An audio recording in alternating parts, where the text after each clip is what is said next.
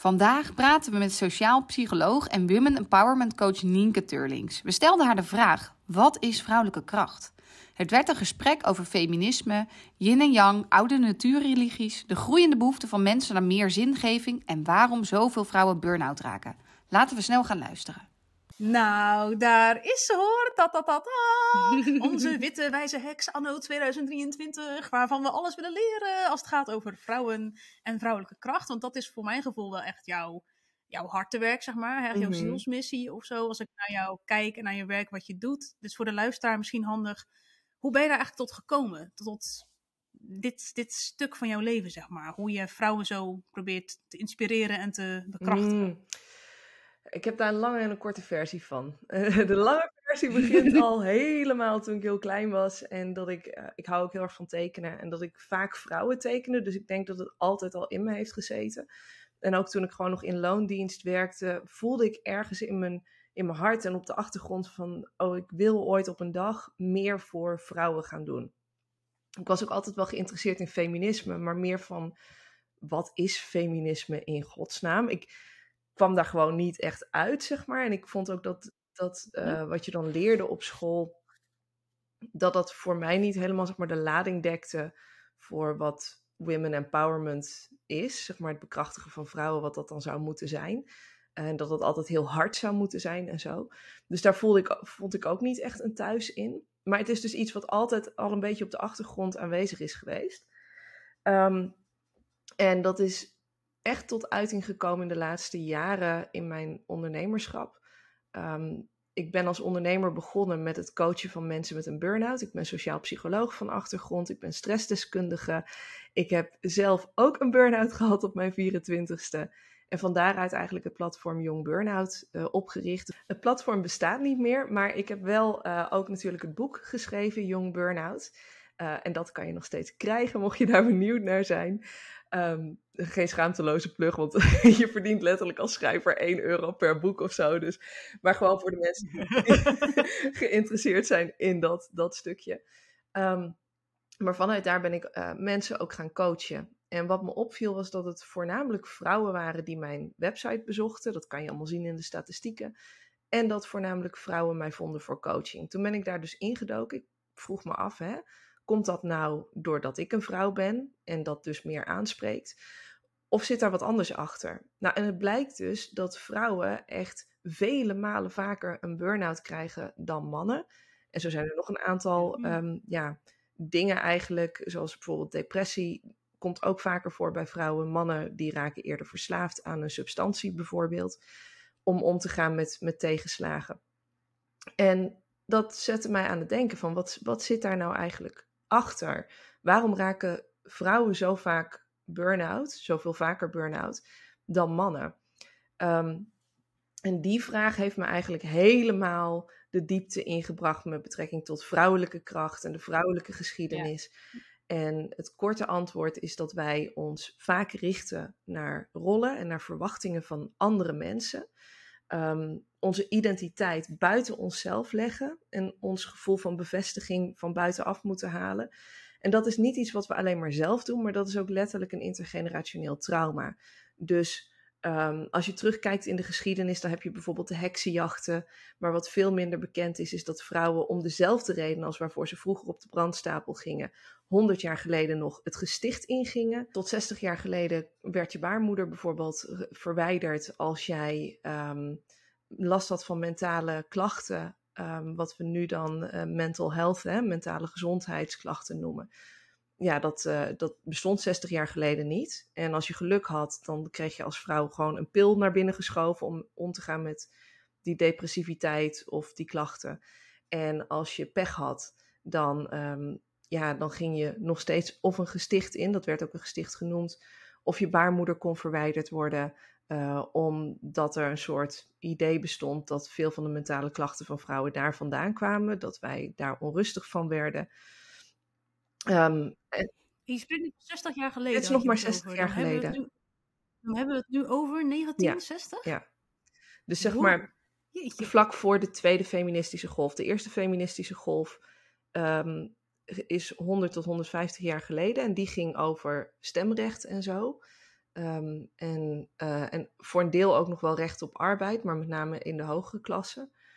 En ehm, de tweede feministische golf van de jaren 60, 70, zeg maar, die, uh, die ging over uh, seksuele vrijheid, zelfbeschikking over je lichaam. Um, ja. Nog een heel aantal andere thema's ook. Hè? Recht op arbeid, dat je niet zomaar ontslagen werd als je, als je zwanger raakte of als je ging trouwen. Want dat was de norm. Vrouwen hadden ook pas vanaf 1957 recht op het openen van haar eigen bankrekening. Want tot die tijd werden we als handelingsonbekwaam gezien. Dus letterlijk... Bizar dat het nog zo kort geleden is. Hè? Geleden. Ja, letterlijk gewoon niet gezien als zelfstandige wezens. Dan moest je toestemming vragen aan je vader of aan je man of aan je broer, die dan ook letterlijk jouw voogd waren. Zoals je dus ook voogdij kunt hebben over kinderen. Dus hm. Ehm, ja, vrouwen hebben eigenlijk pas in de laatste 60 jaar ehm, volledige rechten, een volledige gelijkheid op papier volgens de wet um, aan, aan mannen. Maar in onze huidige tijd hebben we ook nog steeds dezelfde patronen. Alleen kunnen we er niet meer het gesticht voor ingaan uh, of iets dergelijks. Maar vrouwen worden er nog steeds op afgerekend als ze bijvoorbeeld heel erg gaan voor hun carrière of heel uitgesproken zijn. Dan ben je al snel een bitch, weet je wel. Als jij van daten houdt of als jij van seks houdt en je daar uh, graag over uitspreekt, dan ben je al gauw een slet. Dus we zijn constant één aan het opletten van hey, hoe, hoe word ik gezien door de buitenwereld en hoe hou ik mezelf daarin veilig? En um, ja, ten tweede is het, is het ook gewoon zo dat we van moeder op dochter eigenlijk mee hebben gekregen, eeuw na eeuw na eeuw. Hou jezelf maar klein en doe maar wat andere mensen willen. Want anders dan stel je jezelf open voor, voor misbruik, voor opsluiting, voor vervolging of voor de dood. En we hm. weten uit wetenschappelijk onderzoek dat dat, dat soort stresspatronen ook via het DNA, dus intergenerationeel, kunnen worden doorgegeven. Uh, en daarnaast via gedrag en gedachtepatronen. Dus zelfs als je moeder dit niet letterlijk tegen jou heeft gezegd, als jouw moeder heeft voorgeleefd, je moet er altijd voor iedereen zijn, ga jij dat vanzelf ook doen. En zo leven we dus als vrouwen constant eigenlijk een beetje buiten onszelf, waardoor we makkelijker extreem gestrest raken. En één manier waarop veel vrouwen daarmee omgaan is uh, zichzelf klein maken. Een andere manier is enorm verharden juist. Dus ja, ik zet me eigenlijk ervoor in om vrouwen weer de koningin van hun eigen leven te laten worden, zoals ik dat dan noem. En dat betekent eigenlijk dat je eigenaarschap neemt over alle levensgebieden. En je veilig voelt in alle levensgebieden om echt jezelf te zijn. En dat die identiteit weer van binnen uitkomt en niet van buitenaf. Ja, ja. mooie missie. Mooie missie. Mooi. Nou, het sluit ook eigenlijk precies aan op uh, waar wij het over deze podcast wilden hebben. Hè? Over vrouwelijke kracht. Wat is dat nou eigenlijk inderdaad? Hoe belichaam je dat? Hoe weet je nou dat je je vrouwelijke kracht staat? Dat soort dingen. En wij dachten, nou, niemand minder dan jij. Want jij hebt gewoon echt heel veel wijsheid, vinden wij, echt over vrouwen en ook heel die geschiedenis van vrouwen. Jij weet er echt superveel van. Um, sowieso voor alle uh, kanalen van Nienke, weet je wel, haar Instagram, maar ook de Queencast. Check even de videobeschrijving ook op YouTube hieronder. Zet even alles in, want wij hebben natuurlijk maar beperkt tijd. En jij hebt zoveel kennis, dat past nooit in een uur. dus mocht je nog veel meer willen weten over vrouwen en het verleden en de kracht, moet je echt gewoon de Queencast ook volgen. Maar het sluit wel echt heel erg aan op het thema van nu. Want wij vinden het wel eens een beetje verwarrend anno 2023 soms met wat, vrouwelijke, is vrouwelijke kracht? is. Zeg maar. Want er zijn zoveel bewegingen en stromingen. De ene zegt, hè, dan krijg je dat zacht en flowy. Ja, daar, word ik, eh, daar gaan mijn haren een beetje van uh, overeind staan af en toe. Ik snap wel enerzijds wat ermee bedoeld wordt. Ik, ik ken dat gevoel ook als vrouw om soms heel zacht te zijn, heel flowy. En het gevoel te hebben dat je drugs op hebt zonder dat je drugs op hebt, zeg maar. Maar ja, is dat nou vrouwelijke kracht, zeg maar? Wij zijn natuurlijk beide moeder. Mm Dus wij zitten best wel vaak in een um, stramien van regelen, plannen, productiviteit, bla bla bla bla bla bla. Weet je wel? En af en toe aan het eind van de dag ben je natuurlijk heel continu met je hoofd bezig en dan denk je echt, zo, hè. En het is heel moeilijk dat knopje uit te zetten. Dat is een soort van red race die zich elke dag weer voltrekt. Zeg nou, eigenlijk is ons thema een beetje voor 2023 dat we weer meer onze vrouwelijke rol meer eh, willen belichamen en aandacht en ruimte willen geven. Want je hebt natuurlijk als vrouw heel veel verschillende rollen eigenlijk. Een ondernemer, een moeder, een, uh, wat zijn we nog meer? vriendin, een vrouw. maar onze vrouwelijke kracht in onszelf missen we soms wel een beetje. Dat we denken, ja, Ah, we hebben eigenlijk helemaal... En er is ook een beetje verwarring ontstaan inmiddels. Ja. Maar wat is dan eigenlijk nog vrouwelijke kracht? Ze dachten, ja, we kloppen toch even bij jou aan. Zoals je hoort, het hele verhaal is al warrig. Eigenlijk gaat het al helemaal, heel, helemaal, helemaal fout bij onze introductie. Wij zijn gewoon op zoek naar vrouwelijke kracht. We willen graag van jou weten, vertel ons, wat is vrouwelijke Nou, kracht? ik heb hier een potje. Nee. En daar zit het in. Nee. Zo werkt het natuurlijk niet. Hè. Je kan niet in jezelf een soort blik opentrekken en dan, dan heb je vrouwelijke kracht. Niet? En Oh. dat is eh, wel wat er inderdaad door sommige mensen online bijvoorbeeld wordt gepropageerd. Nou zit daar ook nog wel een andere kant aan, daar kunnen we het zo nog wel over hebben. Namelijk de hele mannen moeten echte mannen zijn en allemaal stoere dingen doen en door Ja. de modder kruipen en hun mannelijk, mannelijkheid bewijzen. En dan moeten wij vrouwen moeten vooral onze vrouwelijkheid bewijzen door in een kringetje te dansen en eh, eh, pompoensoep met elkaar te maken of zo. Ja, ja, ja, dat gevoel krijg je. Ja, dat gevoel krijg je wel een Laten we dat bij. inderdaad En straks en dan- ja, lijkt me heel leuk om daar nog even heen te gaan. En dan moet dat bij elkaar komen en dan zou de man de leider moeten zijn of zo, weet je wel. En dan kan jij, Ja, dan zou je echt knetterende seks en een geweldige ja, ja, ja, en dan kan jij als vrouw eindelijk ontspannen, omdat hij dan zeg maar de leiding neemt en jij lekker in je vrou- vrouwelijke kracht kan flowen. Want hij belichaamt zijn ja, ja, ja. mannelijkheid en jij je vrouwelijkheid. Ja, oké, we horen al een beetje aan jouw We horen een ondertoon. beetje Dat, dat, is, dat is niet waar vrouwelijke kracht Nee. over gaat. Nee, joh, weet je, ehm, je bent vrouw, maar je bent ook mens. Dus waar ik even wil beginnen eh, met betrekking tot dit stuk, dat is, ik wil het even uit elkaar trekken, want er is eigenlijk gewoon een behoefte aan meer, als ik jullie zo hoor, en heel veel vrouwen, ook vrouwen die ik coach, er is behoefte aan meer ontspanning en meer spontaniteit en meer verbinding in het leven. Dat zijn we om de een of andere reden vrouwelijke kracht gaan noemen, maar dit is gewoon een menselijke behoefte. Überhaupt. Ja. Ieder mens heeft die behoefte. En we leven in een eh, maatschappij die heel kapitalistisch is natuurlijk. Die heel erg geïndividualiseerd is. Nou, jullie met z'n tweeën hebben het voordeel dat je in dezelfde ehm, woonplaats volgens mij zelfs woont. Maar bij elkaar in de buurt woont. Maar heel veel mensen hebben niet meer die mogelijkheid om zomaar even zeg maar, bij iemand langs te gaan voor een kop koffie. Vroeger was dat veel gewoner. Eh, en als je kijkt naar historisch gezien, evolutionair gezien, waar we vandaan komen, dan zijn mensen groepsdieren. We zijn bedoeld eigenlijk in een, in een kleine groep tot ongeveer 100 mensen, geloof ik, te leven. Tot duizend mensen kun je, geloof ik, harmonieus met elkaar leven. En daarna wordt het onoverzichtelijk en kunnen er allerlei conflicten ontstaan en zo. En wat je dan krijgt, is dat mensen ook enorm gaan individualiseren. Door de bewegingen van de afgelopen eeuwen, dingen als de industriële revolutie, de digitale revolutie, maar ook de verstedelijking, zijn mensen eh, vaak verder gaan wegwonen van waar zij oorspronkelijk geboren zijn. Er zijn voordelen aan, want je kunt jezelf natuurlijk ontplooien op die manier. Maar het nadeel is dat jouw sociale kring vaak niet een, ehm, heel veel cohesie heeft. Dus je, je, bent, ehm, je woont verder van elkaar af, dus het is moeilijker om een, een afspraak met elkaar te maken. Je kent elkaar in, in veel opzichten niet al jaren en jaren en jaren, weet je wel. Je hebt mensen met wie je dat hebt. Je hebt mensen die je korter kent, je hebt mensen die je alleen voor je werk kent. Dat hele idee van we bouwen met elkaar een community en we moeten het met elkaar doen, dat bestaat eigenlijk niet meer in onze maatschappij. Nee. Maar dat is wel waar Nee. ons lijf en ons hart en ons brein naar verlangen, want dat is hoe we geprogrammeerd zijn vanuit de biologie. En zeker vrouwen. En zeker als het aankomt op moederschap. Dan is daar, als je kijkt naar, naar volkeren die zeg maar nog wat op een traditionelere, evolutionair traditioneel, dus niet traditioneel volgens de jaren 50 rolverdeling, Niet man-vrouw, maar... waar we het over gaan hebben. Maar als, als je kijkt hè, naar, naar bijvoorbeeld ehm, oorspronkelijke bevolkingen, eh, die nog echt op een traditioneel, evolutionair traditionele manier leven, ja, die hebben de hele dag hun kinderen bij zich, die eh, delen de zorg voor kinderen onderling. Ehm, er is veel meer vrije tijd, er is veel meer, je moet ook wel hard werken voor je bestaan. Het is niet allemaal zeg maar eh, Roze geuren, Nee, precies. Het is niet allemaal roze geur en maneschijn. Want ja, als jij eh, moet leven van de jacht, zeg maar, dan, dan kan dat ook veel existentiële druk met zich meenemen. Ehm, dus ook daar valt weer wat voor te zeggen, hè, dat we het in veel opzichten nu gemakkelijker hebben. Maar sociaal gezien hebben we daar wel onder te lijden gehad.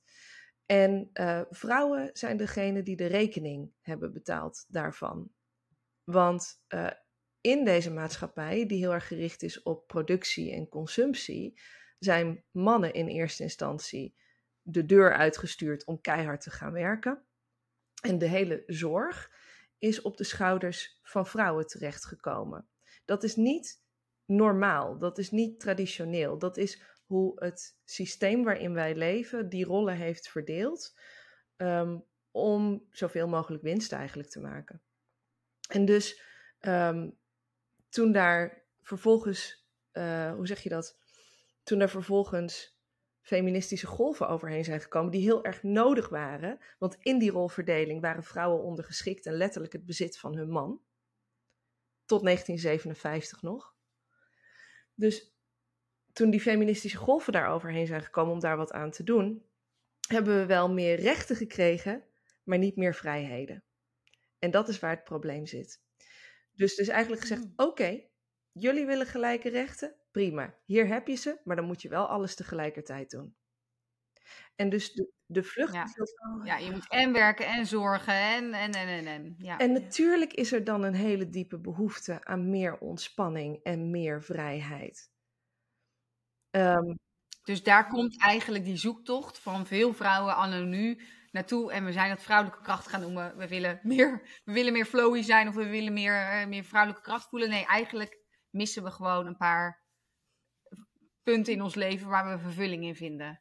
Ja, en als je dan kijkt naar um, bijvoorbeeld Oosterse culturen, die noemen dat yin en yang. Dus dat is veel meer, uh, om dat woord dan toch te gebruiken, genderneutraal. Dat is gewoon, iedereen heeft dat in zich. Als je dat yin-yang symbool voor je ziet, dan zie je ook hè, een stipje wit in het zwart en een stipje zwart in het wit.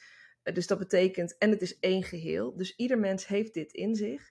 En um, uh, yin is dan de vrouwelijke kracht, dat is de zwarte kant. En yang, dat is dan de mannelijke kracht, dat is de, uh, de witte kant. Dus meer zeg maar in onze termen beschreven, uh, wordt dat dan nog wel eens mannelijke en vrouwelijke kracht genoemd. Maar als je kijkt naar het oosten, dan wordt dat niet per se zo geïnterpreteerd. Het wordt gewoon gezien als twee verschillende energieën die allebei nodig zijn in de wereld, die in balans moeten zijn met elkaar en die in ieder individu in, in balans moeten zijn. En overigens in iedere mm. relatie.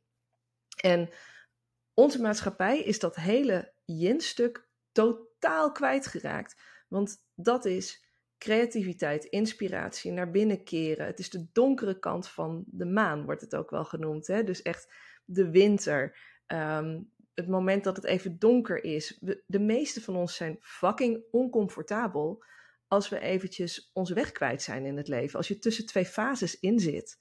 Misschien ken je dat wel. Dat je dan denkt, oké, het oude past niet meer, maar het nieuwe is er nog niet. En waar moet ik nu heen met mezelf? Heel veel mensen worden daar onrustig van en verliezen zich dan weer in, in druk doen.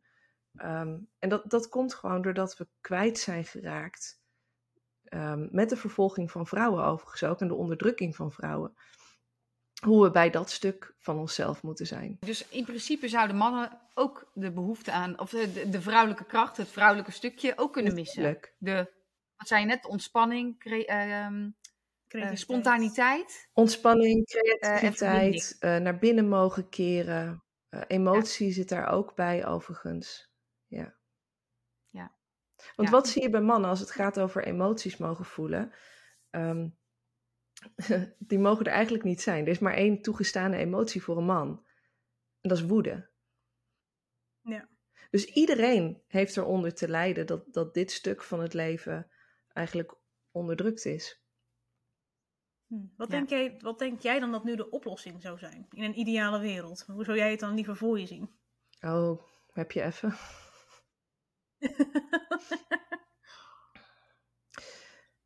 Eh, ik denk dat we op het individuele niveau moeten kijken en dat we op het systemische niveau moeten kijken. En dat tweede stuk is wat ingewikkelder natuurlijk, want dat is veel groter.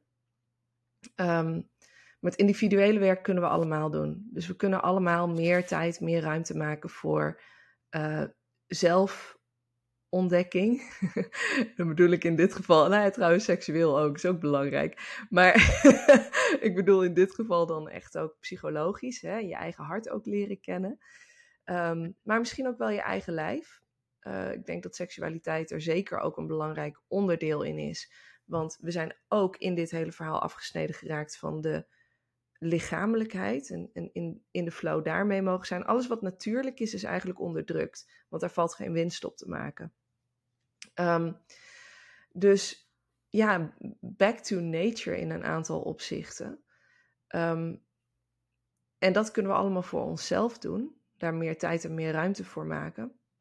En dan systemisch moet dat stuk er ook terug inkomen. En ik denk bijvoorbeeld niet dat, uh, als we het echt over politiek hebben, ik denk niet dat socialisme of communisme echt de oplossing is.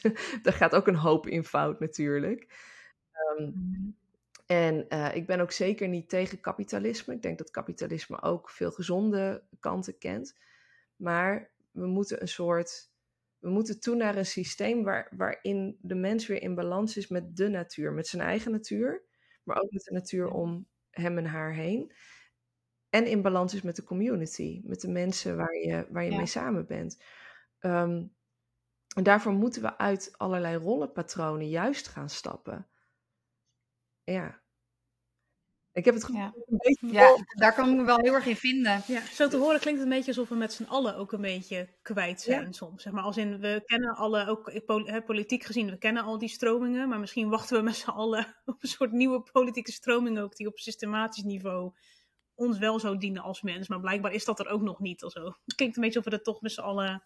Ja, nou ja, je voelt natuurlijk op allerlei levels in de wereld momenteel dat dingen niet meer werken zoals ze altijd een paar of 10, 20, 30, 100 jaar hebben gewerkt. Er gaat steeds meer verkeerd en er lopen steeds meer dingen spaak. En dan hebben we het dus ook inderdaad over de burn-outs, maar ook de grotere politieke kwesties die in de hele wereld natuurlijk aan de hand mhm. zijn. En steeds meer mensen beseffen wel dat we zo niet echt door kunnen gaan. Alleen al, en noem alle kwesties, het milieu, de, de, onze mentale gezondheid, onze fysieke gezondheid. En heel veel vrouwen, denk ik ook, uh, zijn inderdaad kwijtgeraakt. Wat jij ook heel duidelijk net zei: van het, stukje verbinding, wat er vroeger altijd zo erg was. En wat wij vrouwen echt heel erg nodig hebben. En mannen dus waarschijnlijk eh, ook net zo goed. Maar we hebben het nu even over vrouwen. En ik denk dat je daardoor ook. We hadden het voorafgaand aan deze podcast over. Ja, wanneer voelen wij ons nou helemaal op ons vrouwelijkst, zeg maar. En dat zijn bijvoorbeeld de momenten dat je met je vriendinnen naar de sauna bent geweest en een hele dag daar lekker hebt kunnen vliegen fluiten. Of um, Nienke is uh, ook een vriendin van Martine en vroeger deden wij altijd meidenavondjes. En dat, dat waren dan weekenden eigenlijk met sleepovers en gingen we eten en kletsen en, en lekker gewoon doen waar we zin in hadden. En dat waren eigenlijk de momenten waarop je als je dan thuis kwam je het meest vrouwelijk voelde om het dan maar even zo te zeggen. Of het meest in je flow of zo. Of ja, hoe noem je dat eigenlijk? Het meest heel misschien wel. Gewoon. Ja, dat je denkt, oh ja, dit was echt, oh, dit deed me echt goed. Vervuld. En um, dat zijn we natuurlijk over het algemeen eigenlijk helemaal kwijtgeraakt. Mm Want dat is er niet meer zo heel erg. Dat moet je het echt opzoeken. Het is er niet meer vanzelf. Mm Ja, dus dat is dat community stuk. En wat ik me dan dus afvraag is uh, of dat alleen voor vrouwen geldt. Of dat dit uh, het geldt ook voor mannen, weet ik namelijk. Hè? Er zijn ook mannen op zoek naar meer verbinding met mannen. Uh, er zijn ook tegenwoordig ja. uh, mannencirkels en dat soort dingen. Mannenworkshops. Ja. Dan kunnen zij lekker ja. op hun manier in hun oer. En er is ook wel een verschil tussen hoe wij dat tot uiting brengen en hoe zij dat tot uiting brengen. Maar tegelijkertijd is er ergens ook geen verschil. Want uh, als je dan zo'n zo'n mannenworkshop ziet, hè, dan wordt daar soms ook wel rondgestampt en gesprongen en gedaan. Weet je Het is wat grover misschien, maar wel. Ja. maar in essentie, weet je, het ziet er misschien een beetje iets anders uit. Maar het is ook wat wij doen als wij met elkaar een, een weekendje hebben. Hè, dus dat is dan wat meer op het alledaagse. Of als wij een, een vrouwenworkshop hebben, dan wordt daar vaak ook gedanst en gesprongen en geluid gemaakt. En dus. Uiteindelijk, het, nou, zeg maar, de uitkomst is hetzelfde, waarschijnlijk. Alleen de invulling is anders, denk ik. En nou denk ik niet dat er, dat er geen verschillen zijn tussen mannen en vrouwen hoor. je kunt zelfs ook letterlijk uh, op uh, biochemisch niveau, hè, hormonaal niveau kun je dat zien. Er zijn er gewoon echt verschillen. Um, het schijnt ook wel dat er wat verschillen zijn tussen de hersenen van mannen en vrouwen. Maar ik vind dus niet dat je vanuit daar direct, zeg maar, kunt extrapoleren. Dus dat je het dan helemaal zeg maar, in het extreme kan trekken en zeggen: en dus moeten mannen deze rol hebben en dus moeten vrouwen die rol hebben. Mhm. Ik vind altijd dat we heel erg moeten oppassen op het moment dat we gaan denken over rol, rollen. Um, wie heeft er belang bij dat jij die rol hebt en dat een ander die rol heeft? En dat is vaak een systeem. Een systeem dat wil, en dat is het probleem met onze maatschappij. We leven bijna in een machine waarbij iedereen een radartje moet zijn. Ehm, maar dat is dus vaak het probleem, dat, dat je, eh, als je het hebt over rollen, dat, dat dat is omdat mensen dan zich gedragen naar wat het systeem wil. Ehm, wij vragen jou gewoon heel simpel, hoe komen we aan meer vrouwelijke kracht? en jij komt met echt een heel inhoudelijk stuk over de geschiedenis, over de systemen, over uh, wat je, uh, hoe allesomvattend het is. En um, uh, dus het betekent eigenlijk meer onderzoek doen naar heel veel verschillende dingen in je leven. Daar ga je uiteindelijk meer, ja, wij noemen het dus vrouwelijke kracht, maar jij noemt het, nou, hoe zou jij het noemen? Meer flow uithalen.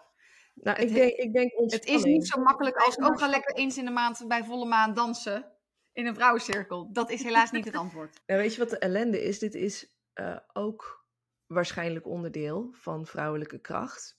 En deze dingen zijn ook onderdrukt. Want vrouwen zijn van oudsher wel degelijk zeg maar, de hoeders van de verhalen van een stam. Of uh, de wijze vrouwen die veel van de natuur weten. Die veel weten van leven, die veel weten van dood. Die die, um, hoe zeg je dat, die, uh, die spirituele verbinding ook um, op een hele diepe laag voelen. Um, en dat is, dat is mede onderdrukt geraakt met de onderdrukking van vrouwen. Ik denk soms zelfs wel dat de onderdrukking van vrouwen en vrouwelijke kracht, zo je wilt, eigenlijk voor een deel ook de onderdrukking van een natuurlijke manier van leven is geweest. Weet je want er waren ooit heel lang geleden culturen die, um, die egalitair waren en waarin de vrouwelijke kracht een belangrijke plek had. Um, ja, waar, waarbij ook echt werd gezien, weet je wel, voordat er geïnstitutionaliseerde religies waren bijvoorbeeld en geïnstitutionaliseerde machtssystemen, leefden mensen veel meer met de natuur samen. En, dan, en dus met de seizoenen. En de wereld ging door seizoenen heen en het vrouwenlichaam gaat door seizoenen heen. Met de menstruatiecyclus, maar bijvoorbeeld ook met de overgang. Dus de menstruatie, maar ook de overgang kan je zien zeg maar, als de winter van een maand of van ons leven.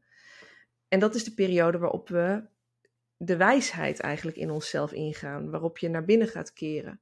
Dus vrouwen werden wel echt gezien ook als, als heel wijs en heel belangrijk in die samenlevingen. Dus in zoverre als je zegt, hebben die vrouwencirkels en zo, hebben, heeft dat geen zin? Ik denk het wel. Um, en ik vind ze zelf ook heerlijk en mooi om te doen. En ik heb die dingen ook gedaan in mijn leven, dat soort retreats. En ik, ik doe zelf ook nog in mijn eh, werk, doe ik ook nog maandelijks een rode tent. Waarbij je dan in mijn geval digitaal bij elkaar komt en eigenlijk op die intuïtieve mhm. kant gaat intunen. Uh, het heeft wel degelijk zin, want dat stuk is wat we terug moeten krijgen in onze samenleving. We zijn zo, ja. um, zo'n machine geworden met z'n allen. We zijn zo in ons hoofd gaan zitten. En dat lijf en dat hart, dat doet allemaal niet meer mee op de een of andere manier. Maar ik denk dus dat het over veel meer gaat dan alleen maar de onderdrukking van vrouwen en de vrouwelijke kracht. Ik denk dat dat de weg is geweest om een heel essentieel stuk van mens zijn te onderdrukken. Want als mensen vanuit hun intuïtie kunnen leven en elkaar waarderen, dus ook vrouwen waarderen, weet je wel, er is gelijkheid, echte gelijkheid. Dan is daar niet een soort superieur machtswezen nodig daarboven om alles aan te sturen en in goede banen te leiden. En ja, dus eigenlijk met het verlies van, van de natuurreligie, om het zo maar te zeggen, de oude, um, uh, de oude culturen, is ook een deel van ons mens zijn, uh, de yin-energie, zeg maar, is daarmee verloren gegaan. Als je dan ja. nu kijkt naar onze huidige tijd, dan verlangen zoveel vrouwen terug naar dat stuk. Naar hoe het was eigenlijk. Ja. Want daar zit natuurlijk ook een, een soort intergenerationele herinnering. En daarnaast zijn we ook gewoon nog biologische wezens die niet losstaan van de natuur. Dus we voelen die behoefte aan, uh, aan die verbinding. Aan de verbinding met onze community, de mensen om ons heen. Aan de verbinding met de natuur. Aan de verbinding met onszelf, onze intuïtie. Dus dat is zo'n diep inherent stuk van wie wij zijn. Um, hm. En dat is niet, daar hoef je niet eens heel spiritueel voor te zijn, denk ik, om dat te kunnen voelen. Nee, je merkt het ook steeds meer hè, aan de mensen om ons heen. Wij hebben die behoefte inderdaad om meer van al die thema's wat je net noemt, daar weer van te voelen. Maar heel veel vrouwen en ja. mensen, Jurre heeft het zelf ook, mijn man heeft ook eh, zo'n gevoel van, ja, ik wil ook weer meer terug in de natuur, meer terug naar verbinding, hoe het, Ja, ja, hoe het vroeger was, maar dan echt vroeger vroeger. Ja, en een beetje wat simpeler, weet je. Gewoon de plezier, de verbinding, dat het ook allemaal met je vanzelf ging, weet je wel. Dat je ook niet per se op zoek hoefde, want het was gewoon zo, Mhm. zo, weet je wel. Het was gewoon het, het leven aan zich, gewoon het leven, leven. Ik denk dat misschien dat dat wel de kracht is waar we misschien allemaal alweer naar op zoek zijn. Maar- Of je het nou vrouwelijk of mannelijk noemt. Hoe, hoe vind je, hoe, hoe integreer je dit terug in je leven? Ja, dit is natuurlijk de grote... Want er zijn natuurlijk wel een klein stukje waar we het net over hadden, de vrouwencirkels. Je hebt natuurlijk een hele stroom met natuurgeneeskunde. Je hebt eh, al, al dat soort praktische dingen eigenlijk. Maar hoe, hoe nog meer? Hmm. Ja, voor mij zitten daar dus meerdere lagen in, want dit is een stuk. En dit Mhm. kan je vinden door naar vrouwencirkels te gaan of door je eigen vorm van spiritualiteit te vinden of door wel die pompoensoep te gaan koken. Want ik, ik doe er een beetje gekscherend over, maar wat ik voor mezelf heb ontdekt is dat gewoon echt de tijd nemen om naar de groenteboer te gaan en lekker te koken en met aandacht, dat, Mm. dat brengt me wel in mijn lijf en dat brengt me wel in het hier en nu, weet je wel. Dus het, het is aan de ene kant dat hele praktische, eh, die, die stukken wel degelijk opzoeken op een manier die bij jou past. Met als centrale vraag eigenlijk, wat brengt je terug in je lijf en wat brengt je terug bij, jou, ehm, bij jouw hart. Dus, en voor wie dat, zelfs dat nog vage termen zijn, want dat kan hè, ehm, is dan altijd de vraag van, geeft dit me een gevoel van ruimte en warmte? Of geeft dit me een gevoel van beklemming, een hele fijne leidraad? Dus als jij voelt dat je verkrampt raakt met iets, dan is dat waarschijnlijk niet goed voor je. En als je het gevoel hebt dat je ruimte krijgt van binnen, dat je ademruimte krijgt, dat je zakt in ja, waar je bent in je lijf met je aandacht, of je voelt een warmte. Ehm, sommige mensen noemen dat ook gewoon simpelweg lekker ontspannen. Ja, Nog meer van die dingen. Ehm, want, dat, ja. Meer, van, meer Ja. ontspanning. want dat brengt je terug bij ehm, ja, wat we dan die vrouwelijke kracht, die yin-energie noemen. Ehm, neurologisch eh, gezien zijn dat de dingen, is, zijn dit tekenen, dus als je je zo voelt in je lijf, is dat eigenlijk het teken dat jouw eh, parasympathisch zenuwstelsel geactiveerd is. Dus dat is zeg maar je ontspanningsrespons. In plaats van de stressrespons. De meeste van ons zitten de hele dag in de stressrespons met alles. Zeker als je 101 dingen moet doen. En als, maar als jij in die ontspanningsrespons zit, en dit herkennen we allemaal van vakantie en zo, dan raken er ook andere delen van je brein geactiveerd. Opeens heb je goede ideeën. Opeens zijn er inzichten die je eerder niet had. Nou, die ontspanningsrespons, die is vele malen belangrijker dan we vaak denken. Eh, als je naar de yoga-traditie gaat, maar ook naar de Chinese geneeskunde bijvoorbeeld, dan wordt daar geloofd dat je ook energiebanen in je lijf hebt. Hè? En dat Mhm. verhaal van mannelijke en vrouwelijke energie, eh, of yin en yang, dat zit daar ook in.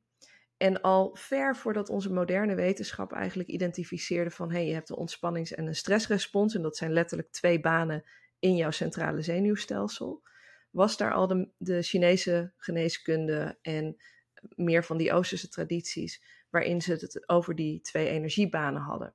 Die twee energiebanen worden ook vaak mannelijk en vrouwelijk genoemd. En ehm, wat is daar nou het interessante? Als je kijkt naar hoe mannelijke energie en vrouwelijke energie vaak geïnterpreteerd wordt, dan is de vrouwelijke energie de inspiratie en de creativiteit en zo, hè, waar we het net over hadden, de intuïtie. Mhm. En de mannelijke energie, dat is actiegericht, van A naar B. Ja. Ga je kijken naar het centrale zenuwstelsel, waarom hebben we ook een stressrespons? Weet je wel, als de meeste mensen denken, oh, stress is niet fijn, dan moet het toch ergens ook een functie hebben. Nou, je hebt ook gezonde stress, dat zorgt ervoor dat wij bijvoorbeeld nu deze podcast maken, want, want dat is zeg maar een beetje een soort van je actie, hè? Het, het, ja, de, het activerende deel in jou, Je zit niet passief eh, lekker eh, op het Ja, kleedje. juist. Als je alleen maar die ontspanningsrespons zou hebben, ehm, alleen maar het parasympathisch zenuwstelsel, ja, dan zou je gewoon zo een beetje lethargisch passief op de bank hangen de hele dag. Dus Ja, die stressrespons, Je hebt beide ja, nodig. je hebt, het andere heb je ook nodig. En ehm, in dat opzicht is er dus ook in ons lijf mannelijke en vrouwelijke energie, zo je wilt. Alleen we zijn totaal in de overdrive geraakt op dat sympathische zenuwstelsel, die stressrespons, wat in de Oosterse ehm, wijsheid ook wel de mannelijke of die, de yang-energie wordt genoemd. En we zijn Hm. totaal uh, onder, ja, ondervoed, letterlijk en figuurlijk, op dat uh, parasympathische stuk. Er is veel te weinig ruimte voor ontspanning. Zelfs in onze momenten van ontspanning pakken we onze telefoon erbij, gaan we zitten scrollen. Dat zijn voor je brein prikkels, dus dan ben je niet aan het ontspannen. De reden dat het ontspannen voelt, is dat je gehypnotiseerd bent in dat moment. Klinkt een beetje heftig, maar dat is wel echt zo. er zijn ook onderzoeken naar gedaan. Je, je raakt in een soort van trance ja. als, je, als je aan het scrollen ja, ja, je blijft ook maar gaan inderdaad. Ja, het is heel hersenloos. Ja, ja. ja. Dus we zitten veel te weinig in dat parasympathische stuk. Ik ben dus ook absoluut niet iemand die zegt: mannen moeten weer echte mannen worden en vrouwen moeten weer echte vrouwen worden. Want één, wat de fuck betekent dat? We zijn allemaal hele diverse wezens, weet je wel. We hebben allemaal heel veel verschillende kanten. Twee, het heeft ook totaal geen wetenschappelijke basis. Ja, we hebben misschien een beetje een ander brein en een beetje een ander hormoonstelsel. Daarin heb je specifieke behoeften. Maar dat betekent niet dat een vrouw altijd maar zorgzaam moet zijn en dat een man altijd maar aan moet staan en, en alles moet regelen. Um, sterker nog, als je kijkt naar, dus om dit even af te maken, we hebben allemaal veel meer ontspanning nodig. We hebben allemaal veel meer dat yin-stuk ja. nodig. En vrouwen, Ja. zeker. Want, want wij zijn al die ballen de hele tijd aan het hoog houden. Ja, mooi. Amen. Ja? Zo jongens, we zijn echt weer zoveel inforijker, hè Tien? Nou, ja, inderdaad. Het moet nog even allemaal bezinken, inderdaad. Ja, ik ben er wel, ik heb wel geleerd. Kijk, wij zijn dus nu eigenlijk op zoek naar een stukje invulling. Wat wij vrouwelijke kracht hebben genoemd. Maar wat je eigenlijk veel breder mag zien. En uh, wat niet alleen voor de vrouw geldt, hedendaags, maar ook voor de man. Voor de mens. Um, en voor dus. de, voor de algehele mens. Ja. En um, ja, dat je dus eigenlijk. We zijn eigenlijk dus geneigd. Ook uh, dingen heel zwart-wit te zien. Mannelijk, vrouwelijk en patronen en dit en dat. Um, maar het zit allemaal in ons allemaal. Ja. En je, daar waar je behoefte ligt, daar mag je eigenlijk naar luisteren. Ja. Dus je hoeft niet iets groter te maken dan dat het eigenlijk is. Ja. Dus als wij geen hebben in een beetje uh, elke maan, maand uh, bij de volle maan een dansje te gaan zitten doen, maar gewoon keihard willen stampen op hardcore muziek, mag het eigenlijk ook gewoon. Dan zijn we nog steeds vrouw. Ja, ja. En weet je, um, stampen is ook ergens goed voor, want dat is ook emotie. En, uh, en dat is ook beweging. En dat, die eigenschappen worden or, ja, oorspronkelijk wel als vrouwelijke eigenschappen gezien. Mm. Waarom, waarom denk je dat uh, mannen bijvoorbeeld um, geen emoties mogen hebben behalve woede? Omdat je ze daarmee ook in hun, het stukje vrouwelijke kracht in hun, zeg maar, de yin in hun stukje yang, onderdrukt. En dat maakt hen ook weer makkelijker beheersbaar. Dus dit gaat niet over mannen en vrouwen, dit gaat over een systeem dat een, een belangrijk onderdeel van mens zijn bij iedereen heeft willen weghalen. En, maar dat is dan wel een onderdeel dat misschien net wat meer bij vrouwen nog aanwezig is dan bij mannen. Maar mannen zijn er ook in, uh, ja. in onderdrukt. Ja. Ja, ja, zeker. Ja, en, en, ze missen het volgens mij ook. Ja. Wij zijn geen mannen, maar we kennen wel mannen. En veel mannen worstelen ook met thema's. Niet altijd dezelfde als vrouwen, maar wel met levensbeschouwelijke thema's. Of, of weet je, bredere thema's. Ja. Ja, er is ook wel onderzoek gedaan naar zelfexpressie onder mannen en vrouwen. En, uh, en jongens en meisjes ook. Dus dat zijn dan van die longitudinale studies, zoals het wordt genoemd. Studies die over een hele ja. lange periode van iemands leven lopen. Ja. En dan hebben ze meisjes en jongetjes gevolgd. En meisjes die worden, uh, krijgen veel meer woorden voor een emotie dan jongetjes. Dus bijvoorbeeld als een meisje een gevoel heeft, een groot gevoel heeft, wat bijvoorbeeld boos is, dan krijgen we niet alleen maar aangereikt, oh ben je boos? Maar bijvoorbeeld, je bent gefrustreerd of ben je chagrijnig of ben je, weet je wel, gefrustreerd van dat er iets niet wil lukken bijvoorbeeld. Of, hè? Of uh, ben je teleurgesteld. Dus veel meer kleuren binnen boos zijn, om die emotie eventjes als leidraad te houden. Jongetjes krijgen alleen maar boos, omdat er vanaf het begin af aan al vanuit gegaan wordt dat jongetjes agressiever zijn dan meisjes bijvoorbeeld. Dus jongetjes krijgen ehm, alleen maar boos of alleen maar blij, dus, of alleen maar verdrietig. Dus die hebben veel minder kleurtjes in hun palet om uit te kiezen. En later als je volwassen bent, uh, levert dat allerlei problemen op in zelfexpressie. Dus wij denken dat mannen niet kunnen of willen praten, maar ze hebben gewoon letterlijk de taal er niet voor. Nee, oh, veel minder aangeleerd. Ja. En dat is dus dat stuk wat we dan vaak vrouwelijke energie noemen, omdat emoties is vrouwelijk. Nee, dat hebben we zo geconditioneerd, weet je wel. Maar dat is wel ook een stuk dat dus in mannen op, op hun eigen manier onderdrukt is. Ja, mm. ja. ja. Dat gaat ook weer een hele, daar zou je een hele andere podcast over kunnen vullen, waarschijnlijk. Hoe dat daarmee zit. Maar de, de kern zeg maar, van het antwoord op de vraag: hoe vind ik meer vrouwelijke kracht in mijn leven? Eigenlijk is het antwoord op die vraag: wat is het nou concreet waar je behoefte aan hebt? Wat je denkt te vinden in wat je dan noemt vrouwelijke kracht. Ik, denk dat het gewoon eigenlijk betekent dat er ergens een deel van jou zichzelf niet tot uitdrukking kan brengen. Om wat voor reden dan ook. Omdat je het niet geleerd hebt, omdat je denkt dat het niet mag, of omdat je er echt heel concreet geen tijd voor hebt. En daar moet je wat mee gaan doen. Ja. Ja. ja, wij weten ik denk, dat die termen ons inderdaad in het geen tijd zijn, inderdaad, in de fase waarin wij nu zitten. Zeg maar. Het hoort denk ik heel erg bij, bij onze fase. fase denk ik. Maar dat je dus wel tijd moet inruimen voor jezelf, omdat het ook heel belangrijk is om daar wel vervulling aan te geven, want je hebt er behoefte aan, inderdaad. Ja, ja, dat, dat, dat is er bij ons. En inderdaad, dan is het marketingtechnisch natuurlijk, zeg maar, voor ons is het heel lekker om daar een term bij te hebben. En dan is er vast weer een marketingconcept op, wat jou dan vervolgens leert hoe je in je vrouwelijke kracht kan staan. Dus wordt er weer geld aan ons verdiend. Ja, nou, ergens is het ook niet verkeerd natuurlijk. Als je bij iemand terechtkomt die, daar, die jou ook echt geeft wat jij nodig hebt op dat moment, dan is er niets mis mee. Ja. Maar er is, er is wel een hele gevaarlijke beweging. En we zijn al best een tijd aan het praten, dus ik, wil dat, ik zal het kort houden, maar die ik wel wil benoemen. Ehm, en die is begonnen in Amerika, maar je ziet hem nu ook in Nederland. Extreemrechts uh, denken, waarbij vrouwen, even heel plat gezegd, weer achter het aanrecht moeten en mannen weer, zeg maar, de, de stoere uh, man uit de jaren 50 moet, moeten zijn, die alles voor hun rekening nemen, zeg maar.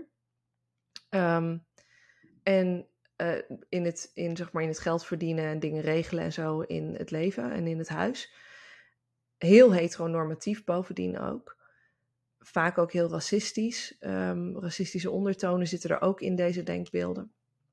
En dat komt niet nergens vandaan. Dat is, dat is een extreemrechtse um, stroming. Uh, vaak ook orthodox religieus zit er ook nog achter die heel bewust eigenlijk tijdens de coronaperiode um, de meer spirituele mensen die zich zorgen maakten over waar de maatschappij naartoe ging en hoe de overheid met dingen omging, um, misleid hebben om te gaan denken dat de enige oplossing is dat mannen weer echte mannen moeten worden en vrouwen weer echte vrouwen moeten worden. Um, en dat is heel sneaky gegaan. Ik heb, daar, ik heb daar een hele podcast zelf op de Queencast, mijn eigen podcast over opgenomen. Oh, interessant om te weten. Dus pak ik ook een uur of anderhalf uur of zo. Dus ik kan dit hier niet heel snel uitpakken eventjes. Maar de, de korte klap is eigenlijk, spirituele mensen maakten zich zorgen. En weet je, en ook niet alleen maar spirituele mensen, maar ook gewoon mensen die ja, menselijke normen en waarden aanhingen. Die maakten zich zorgen over hoe de overheid omging met die hele periode, met alle maatregelen en zo. Um, een beetje zo dat idee van where is the love? waar, hè, waar, waar zijn we gebleven met z'n allen? En die gingen de bres op. En uh, een extreem, extreem rechtse orthodox-religieuze stromingen hebben daar eigenlijk misbruik van gemaakt. Door te zeggen, um, ja, zie je wel, er gebeurt van alles, we worden gemanipuleerd eigenlijk. En die manipulatie die vindt zogenaamd dan al heel erg lang plaats. Ehm, het feminisme zou ook alleen maar geïnstalleerd zijn om vrouwen in hun echte vrouwelijke kracht te onderdrukken en mannen en de samenleving te ontwrichten, bla bla. Eh, grote onzin natuurlijk, uh, maar dat wordt dan heel overtuigend gebracht. En we moeten uh, weer meer zelfvoorzienend worden, waarbij mannen dan de stoere leiders zouden moeten zijn en vrouwen thuis voor het kroost moeten zorgen en voor de samenleving en zo. En als we daar maar naartoe teruggaan, nou, dan kan je pas echt ontspannen als vrouw hoor. Want dan kun je leunen op die grote sterke man. En, dat raakt bij ons een soort hele diepe behoefte aan te mogen ontspannen en te mogen rusten. En dat er iemand ook eens even voor ons komt zorgen, want we houden de halve wereld al een hele tijd Ja. op onze schouders. Het raakt inderdaad gelijk, spreekt het iets aan Ja. voor veel vrouwen. En het is misschien ook wel weer, je springt ook weer terug naar een tijd waarin dat soort van bepaalde veiligheid bood voor je gevoel. Een soort schijnveiligheid bood voor je gevoel. Ja, schijnbaar. Een soort ja. comfort, hè, zeg maar. Het is, eh, het- Gemak. we, weten, we weten wat het is inderdaad. Het was comfortabel, dus we springen liever naar het comfort misschien dan... Of eh, sommigen springen misschien liever naar het comfort terug dan kijken naar meer mogelijkheden. Ja, Zeker als het een beetje leuk verkocht wordt, natuurlijk. Weet je wel, dit is Ja. natuurlijk het, het soort van het posterplaatje. Dus ehm Willemijn, jij zei van, hè, moeten we dan, eh, wordt het dan, worden onze oprechte behoeftes soort van aan ons vermarket met een leuke cursus of een leuk boek? Ehm, ik denk dat daar ja en nee in zit. Je moet gewoon heel goed weten bij wie je terecht komt. Hm. Als het heel dogmatisch is, als het heel erg is van, nou, dit is De, de waarheid. Dan just fucking run like hell, alsjeblieft. Ren heel hard de andere kant Mm. op. Ehm, en als het dus heel erg is van hè, mannen moeten zo zijn en vrouwen moeten zo zijn, foute boel. En ren nog harder. ja. Dan mag je die stressrespons even aanzetten. Gaan. Ja. Maar ehm, Ja. er is natuurlijk niks mis met die eigenschappen die je nu zo mist in je leven, om die te gaan onderzoeken en ontdekken. En dat kan prima in bijvoorbeeld een vrouwencirkel of een leuke retreat of met een inspirerend boek op dat onderwerp. Ja. Zolang je maar niet gaat denken dat dat de enige manier is om vrouw te zijn. Het is gewoon een stuk wat je nu ontzettend mist in je leven. Ja. Ja. Ja, de dingen Ja. die je daar vindt, de ontspanning of de vervulling, de verbinding, het spirituele, dat is niet, eh, dat, gaat, dat gaat over je behoeftes. En niet over meer vrouwelijk willen Mhm, zijn. mhm. Ja. Ja, mooi. Nou, we hebben Nou, weer Oké. heel veel stof tot nadenken. Nienke denkt, nee, er moet nog één ding uit. of niet? Ja. Ik wil nog één ding zeggen en dan, dan Er moet je ophouden. Ze is zo gepassioneerd hierover. Dat is heel leuk om te zien. Het is zo... eh, Ja, ik denk dat de kern is gewoon, weet je, we voelen ons incompleet. En terecht ook. Je voelt je, je, voelt je Mhm. incompleet, want er mist een heel fundamenteel stuk. Maar het is niet zo dat, dat Ja. als je dat stuk dan gaat ophalen, dat dat dan weer vervolgens het enige moet zijn wat je mag zijn. Dat stukje moet Mhm. opgehaald worden, geïntegreerd en onderdeel, onderdeel van wie je bent. Dus, ja. Het mag weer aangevuld worden eigenlijk, zeg maar. Ja. Stuk. en Ja. dan zul je je een complete vrouw voelen. Dan, dan, want dan Ja. kan je shiften in jezelf tussen, hey, welk stukje wil ik aanspreken in welke situatie? En dan komt die ontspanning. Ja. Ja. En ik denk ook dat hij ook weer levensfase gevoelig is. Dus elke fase wordt je weer uitgenodigd tot weer naar binnen keren. Wel-. Welk stukje heb ik nu behoefte aan? En welk stukje van mezelf wil ik hier ontplooien? Ja, dat kalibreren eigenlijk, hè? Waar we het zeg maar in de podcast met jou overal over vrouwvriendschappen. Alleen dan gaat het eigenlijk over je behoeftes even kalibreren. Waar in deze fase kan ik het weer eventjes eh, hè, omhoog krikken, zeg maar. Ja. Ja. Nou, Nou, wij hebben weer stof tot nadenken, dankjewel. En we zijn ook weer heel wat wijzer over de geschiedenis. Nou, zeker. Sommige dingen wist ik ook echt niet van die baarmoeder inderdaad. Dat in 1960 dat nog gewoon medisch verwijderd werd. Dat, eh, Nou, ik vind sowieso dat je daar hele mooie dingen over deelt op je Insta ook hoor. Over de geschiedenis van vrouwen. En ik denk dat het nuttig is om dat te weten. Zeg maar, het is confronterend en triggerend. Maar ik denk wel echt dat je heel belangrijk werk daarin eh, doet. Dus ga er alsjeblieft mee door, zou ik zeggen. Dankjewel. En voor nu, ehm, ja, je kunt alles vinden over Nienke en de Queencast en dergelijke in de videobeschrijving. En dan willen we jou ontzettend bedanken voor je tijd, voor je wijsheid. En eh, wie weet, tot ziens. Thank you so much.